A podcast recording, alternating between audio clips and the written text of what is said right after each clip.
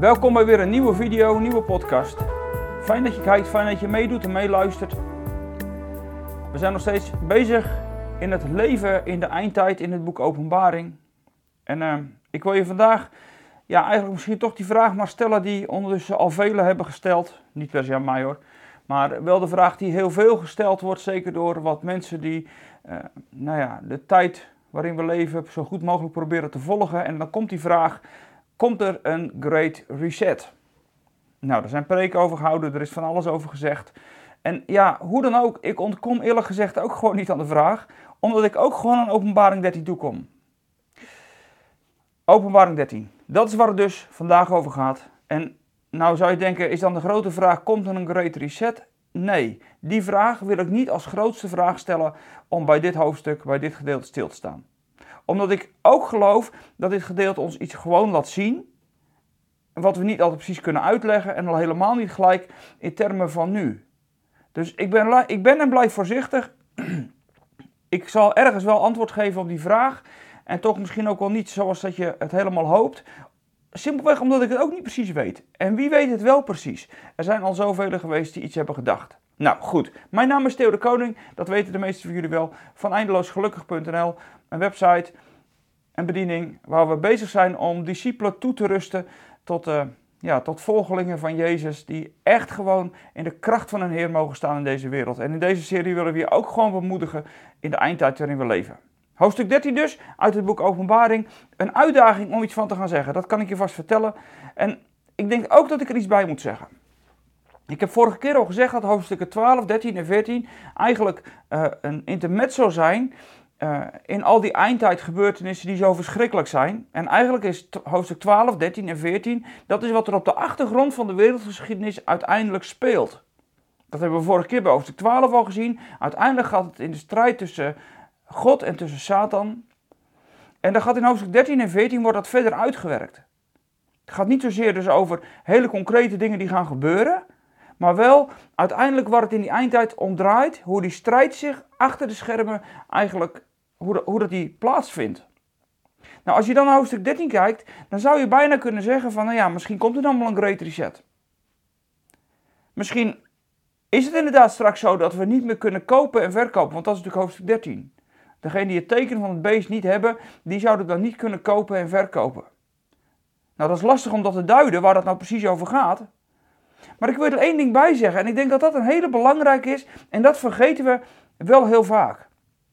Wat we vooral vergeten, of wat we misschien vooral verkeerd zien, is dat het lijkt alsof dat er een strijd is dus tussen God en tussen Satan. En dan kom je in een soort dualisme terecht. Van twee machtige rijken die tegenover elkaar staan. Maar als we het zo bekijken, zie je het altijd verkeerd. Als we vanuit twee rijken kijken die tegenover elkaar staan en we gaan kijken wie die gaat winnen, als je vanuit die gedachte naar het boek Openbaring en met name ook hoofdstuk 12, 13 en 14 gaat kijken, dan zou je dus kunnen zeggen dat die, dat die rijken gelijk zijn aan elkaar. En dat is niet zo. Want het boek Openbaring, we zijn begonnen bij hoofdstuk 4, toen heb ik al gezegd, er staat een troon in de hemel en op die troon zit iemand en vanuit dat perspectief blijven we kijken. Maar als je de hoofdstukken 12, 13 en 14 en ook wat hoofdstukken eromheen leest, dan kom je iedere keer het getal van 1260 dagen tegen, 3,5 jaar, een tijd, tijden en een halve tijd. Wat dus duidelijk is, is dat in die eindstrijd waar het uiteindelijk om draait, waar Satan het niet voor elkaar heeft gekregen om die vrouw, Israël, zover te krijgen dat de Messias niet geboren zou kunnen worden en dat hij uiteindelijk nu wraak neemt op aarde, dat hoe dan ook, dat die wraak op aarde en wat voor beesten en monsters hij erop loslaat, hoe, dat, hoe lang dat, hoe dat ook is, het is, het is geborgd door God in slechts een bepaalde tijd. En ik wil dat je dat echt blijft beseffen. Ga niet denken dat het een duel is tussen God en Satan, waarin ze gelijk zijn aan elkaar. Alsof er twee goden zijn die gaan kijken wie de sterkste is. Dat is niet zo. God is de sterkste. God heeft de macht, God heeft de controle en God bepaalt hoe lang Satan zijn spel kan spelen. Het is allemaal op vastgezette tijden door God al vastgesteld. En er is er maar één, de Allerhoogste, de allergrootste, en dat is de God die wij dienen. En Satan is hoe dan ook, maar zo'n tegenstander. En het lijkt wel een hele grote, massale, grootse strijd te zijn, maar dat is niet de realiteit. Nou, dat is het eerste wat ik tegen je wil zeggen. Ik denk dat dat heel belangrijk is dat je dat beseft. En van daaruit wil ik best wel kijken naar hoofdstuk 13. En dat gaat dan over twee beesten die opkomen. Eentje komt er uit de zee en eentje komt er uit de aarde. En aangezien dat alle theologen daar het laatste woord nog steeds niet over hebben gezegd, ben ik niet in de illusie dat ik dat wel zou doen. Maar ik wil je wel een paar dingen laten zien. En laten we met het beest uit de, uit de zee maar beginnen. En dan kijken we nog wel of dat we genoeg tijd in deze video hebben om dat beest uit de aarde er ook nog bij te betrekken. Maar eerst dat beest uit de zee, dat is in hoofdstuk 13 vanaf het uh, eerste vers. En dat lees ik maar gewoon met je. En dan zullen we er daarna even naar kijken wat er nou eigenlijk precies staat. Toen zag ik uit de zee een beest opkomen. Het had tien horens en zeven koppen.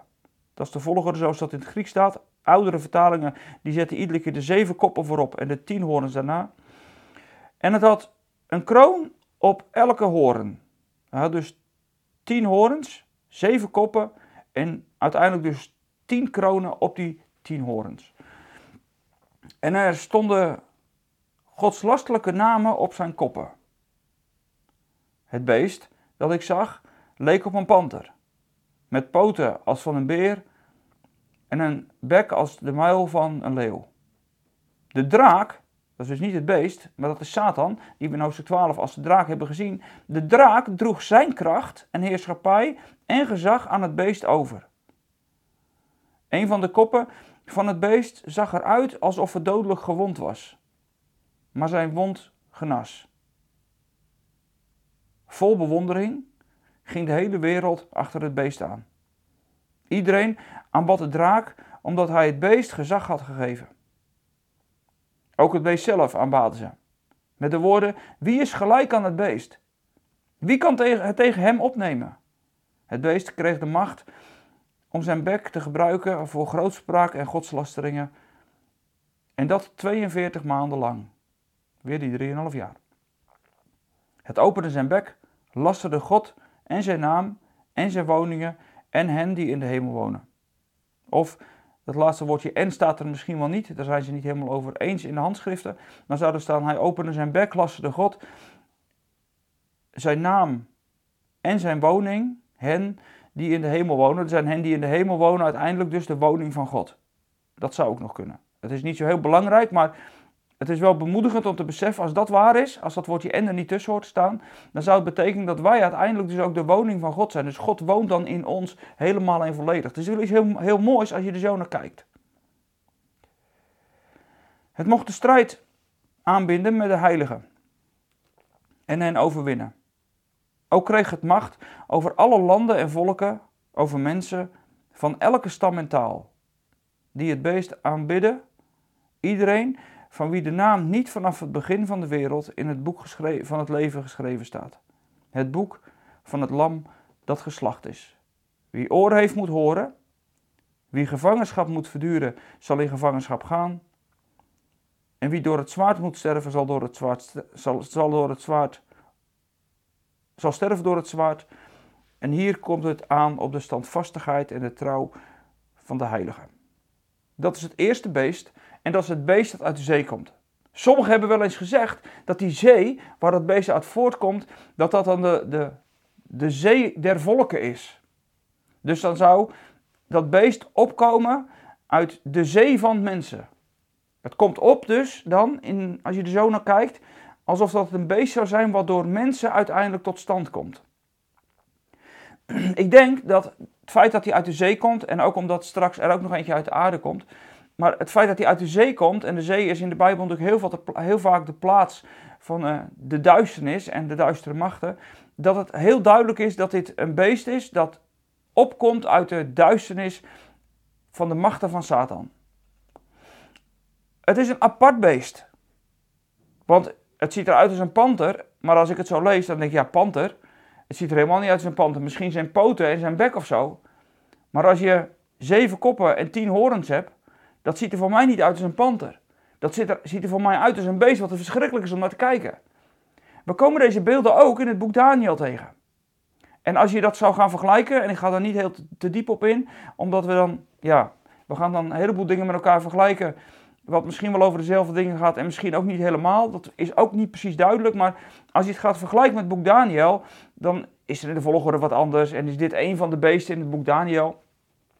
Hoe dan ook, als je naar dit beest kijkt, is het te verschrikkelijk om te, te zien. En ik, met dat ik het las opnieuw, worstelde ik ook alweer een beetje met wat zijn nou die koppen en wat zijn nou die horens. Nou, eigenlijk komt de uitleg hoe dat beest functioneert, dat komt pas in hoofdstuk 17. Dus hier wordt het genoemd, hij wordt verteld hoe hij eruit ziet en waar hij vandaan komt. En daar stopt het dan eigenlijk een beetje mee. Maar als je doorleest in hoofdstuk 17, en daar komen we dus vanzelf nog wel een keertje, maar in hoofdstuk 17 wordt duidelijk dat het over koninkrijken gaat. Elke kop en elke hoorn heeft met koninkrijken en met koningen te maken.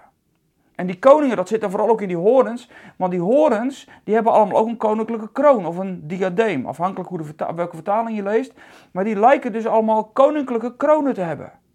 Het gaat dus om koninkrijken. Het gaat misschien met die zeven koppen ook wel over wereldmachten.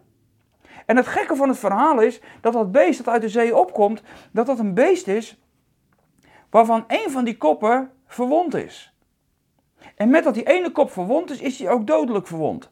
Dus dat, dat dier, dat verschrikkelijke beest, dat had daar dus aan kunnen sterven. Het is als het ware geslacht. Alle symboliek in het dier verwijst tegelijkertijd naar wat Jezus heeft gedaan, maar dan vanuit de duistere kant. Ik bedoel te zeggen, heel veel dingen die dat beest overkomen, die lijken wel op iets wat ook Jezus deed. En als je straks bij het tweede dier, dat dier uit de aarde, dat getal van 666 wordt het getal van de mensen, dan is dat eigenlijk het getal van net niet. En dat zie je bij dit dier ook al. Het doet als het ware Jezus een soort van na. Hij is als geslacht een van zijn koppen en daar lijkt hij, lijkt hij bijna aan te gaan sterven. Dat laat dus zien dat al die koninkrijken in die koppen, dat het wel allemaal verband houdt met ene grote bonk met duisternis. Maar tegelijkertijd maakt het boek Openbaring ons echt niet duidelijk wanneer nou wat gebeurt. Dus we weten niet precies over welke koninkrijken het gaat en of dat het zelfs wel over echte koninkrijken gaat. Want het zouden ook nog geestelijke koninkrijken kunnen zijn. Ik denk dat niet. Ik denk dat Satan uiteindelijk, dat die draak, die gebruikt de macht binnen de wereldmachten. En ik denk dat je dat soms ook wel ziet gebeuren. En ook al hebt zien gebeuren. Ook als je naar het Romeinse Rijk kijkt, als je naar alle rijken kijkt die al geweest zijn. En dan zouden we misschien nog wel ergens op wachten. Dat zou allemaal best kunnen.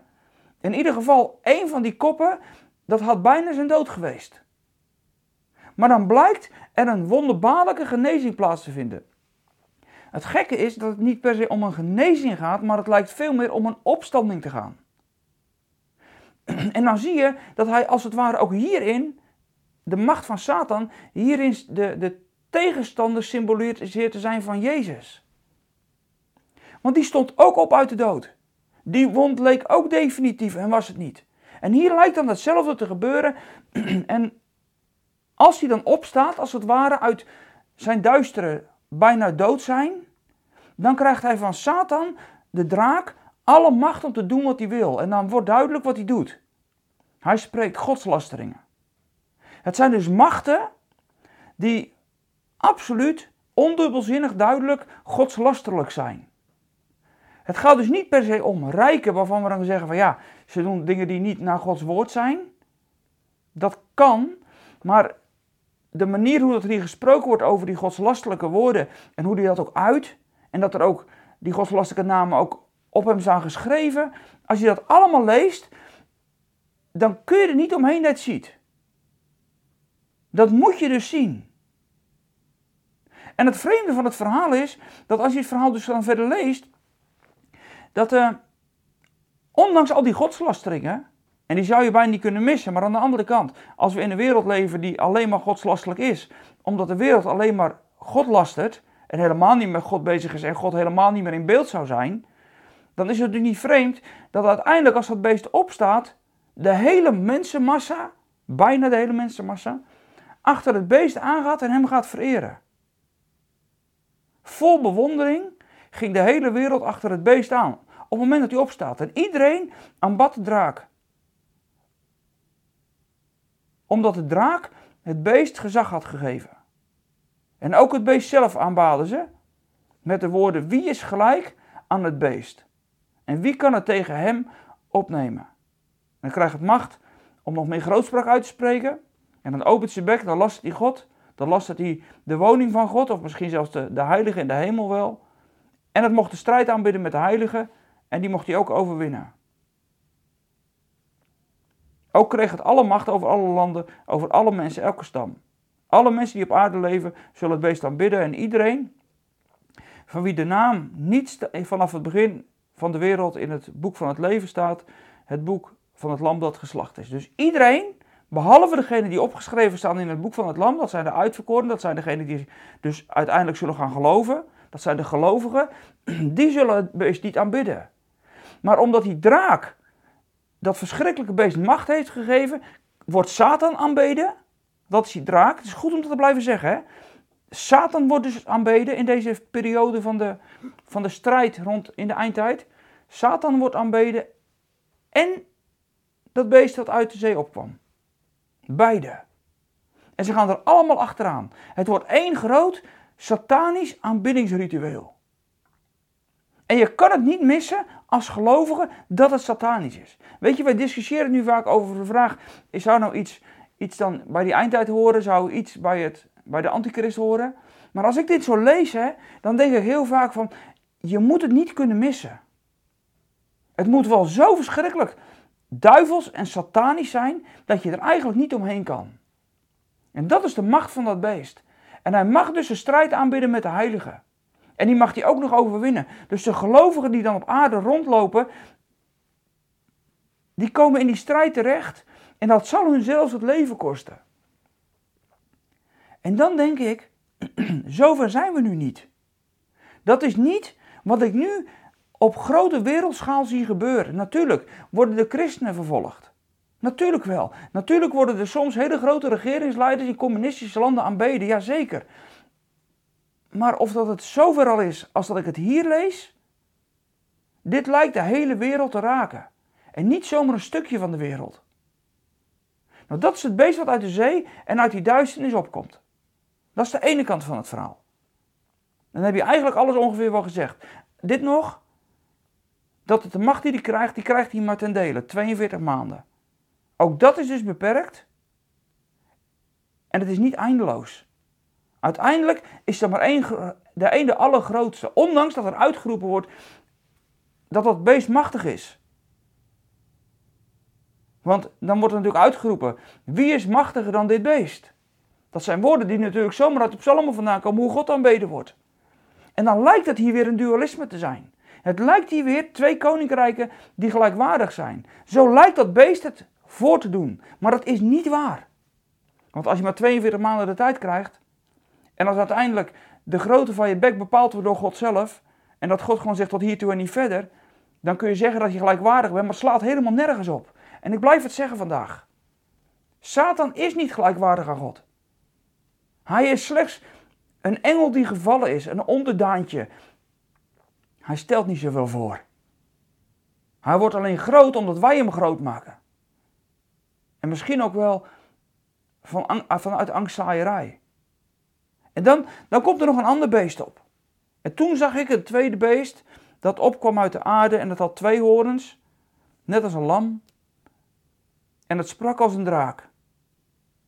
Het lijkt iets van een lam.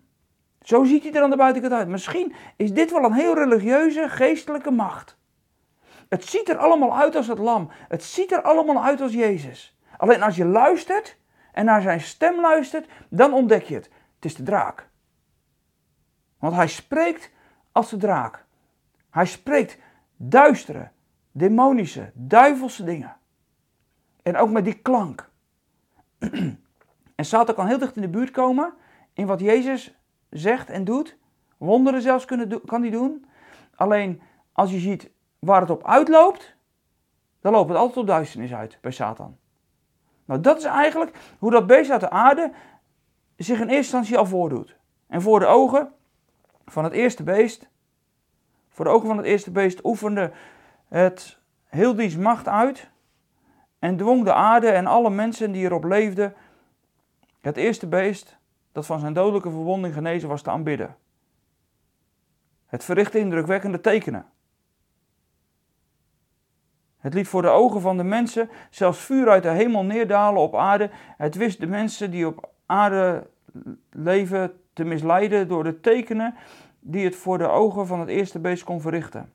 Het droeg hun op het een beeld te maken voor het beest dat ondanks zijn steekwond toch leefde. Het kreeg macht om dat beeld leven in te blazen, zodat het beeld van het beest ook kon spreken en ervoor kon zorgen dat iedereen die het beeld niet aanbad gedood zou worden. Verder liet het bij alle mensen, groot en klein, rijk en arm, slaaf en vrije, een merkteken zetten op hun rechterhand of op hun voorhoofd. Alleen de mensen met dat teken, dat wil zeggen die de naam van het beest of het getal die de van die naam, konden iets kopen of verkopen. Hier komt het aan op wijsheid. Laat ieder die inzicht heeft het getal van het beest ontcijferen. En er wordt een mens mee aangeduid. Het getal is 666. Als je dus ziet waar de verering weer op uitloopt. Kijk, hij doet wonderen, hij doet tekenen, dat doet hij allemaal wel. En misschien lijkt het wel heel erg, het zou heel godsdienstig kunnen zijn. Het kan heel christelijk zijn. Maar uiteindelijk zorgt het ervoor dat het beest uit de zee en daarmee de draak, die worden uiteindelijk erdoor aanbeden. Er wordt zelfs een beeld voor opgericht voor die wonderen die gebeuren. Weet je, ik geloof in wonderen, dat weet je. Maar als een wonder Jezus niet groter maakt, dan ga ik me afvragen of het wonder van Jezus is. Snap je wat ik zeg?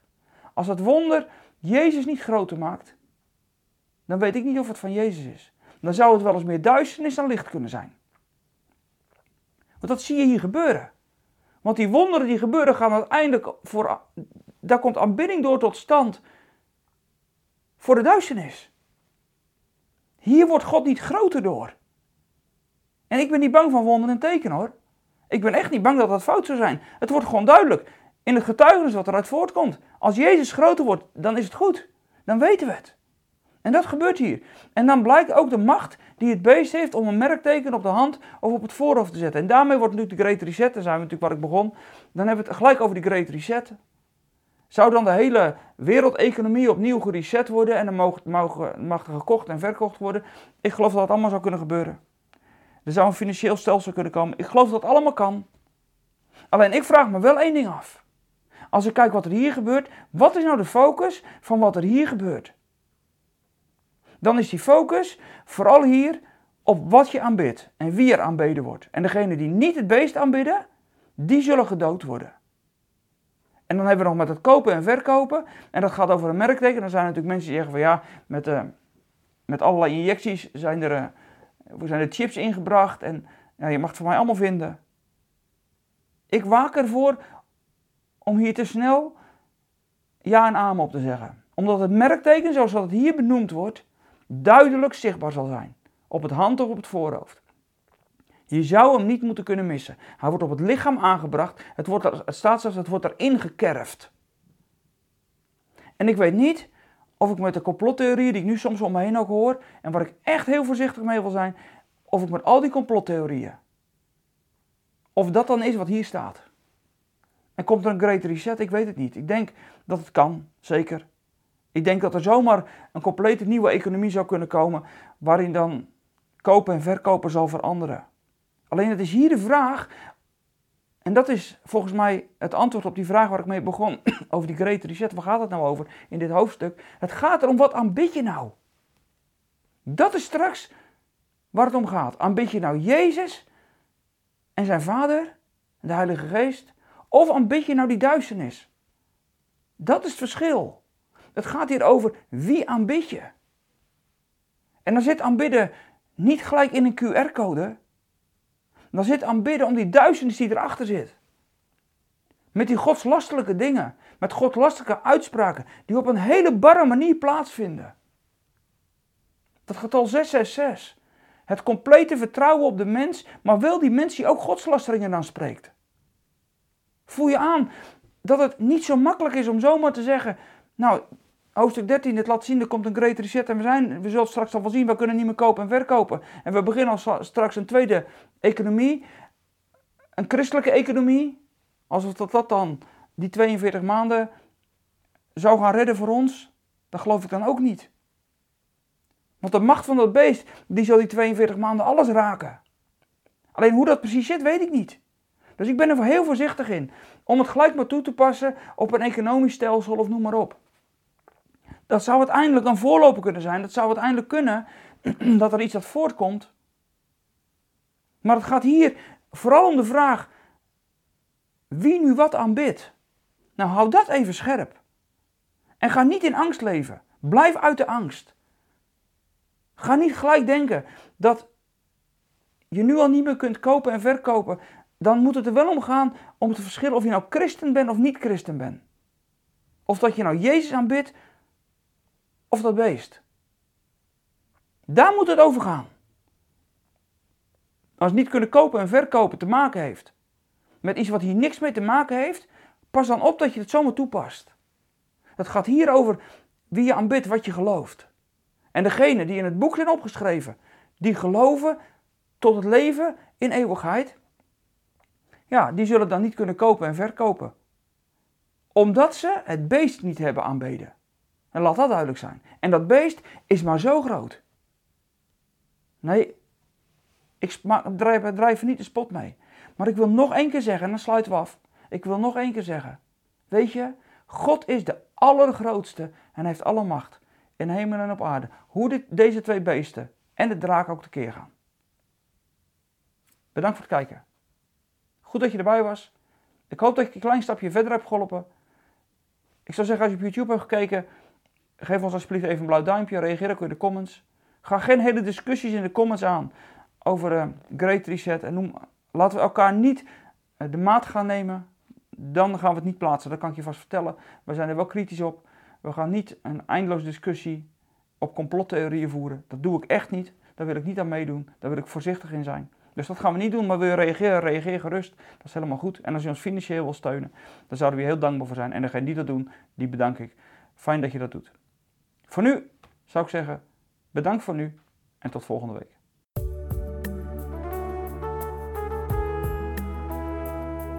We zijn er weer aan het einde van deze podcast. Spreken deze podcast je aan en wil je ons met de gift ondersteunen? Kijk dan voor meer informatie op www.eindeloosgelukkig.nl slash podcast.